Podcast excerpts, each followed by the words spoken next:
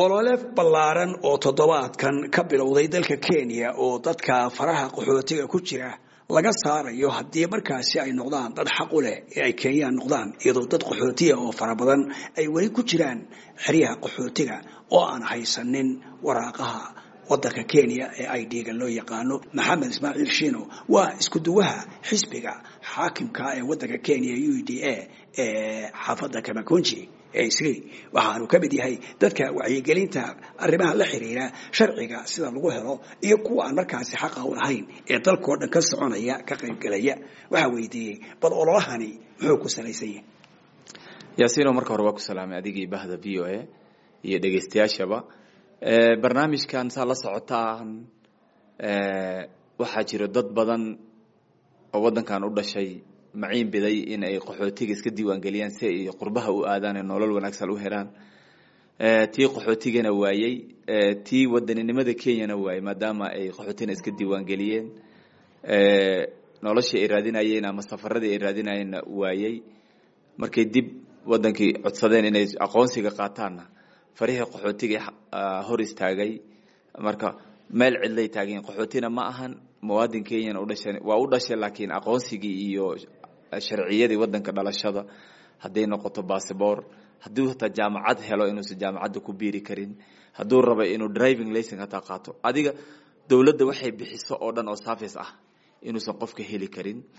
Xagga qaxootigana waxaa jiro dad qaxooti ahaa ku dheeraaday xarada qaxootiga broceskooda dheeraaday doonaya inay wadanka aqoonsi ka qaataan si ay ganacsigooda ama arrimahooda kale ama waxbarashadooda u qaataan farihii qaxootiga ku soo baxeen oo kenyana heli sharciga kenyana heli waayey kii qaxootigana ku jiro broceskiina uu ka xayirmay shino yaa kala saaraya dadkan hadda ilaa iyo toddobaad bay socotaa hawshu sidee lagu kala garanayaa dadkii qaxootiga ahaa iyo kuwii kenyaanka ahaa?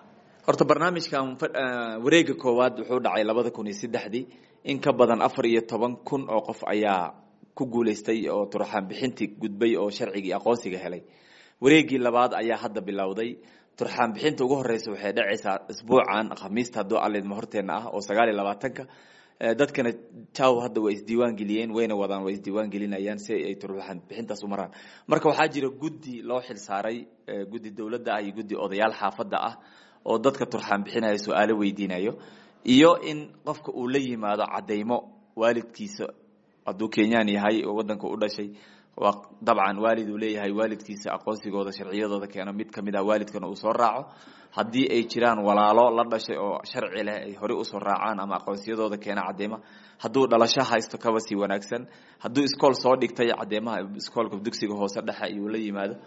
Uu la imaado xaafadda kasta ee ka tirsan degmadan kamkunji jiifafka marka wareegii koowaad wuxuu ka dhacay gaarisa iyo xarooyinka qaxootiga. Wareegan laakiin waa la ballaariyey. Magaalooyin badan ayuu ka dhacaya sida mombasa kale kakum oo xarada qaxootiga ah xarooyinka qaxootiga dhadhaab iyo gaariso wajeer ilaa mandera ilaa isyelo ayuu barnaamijka hadda si toos ugu wada furmay.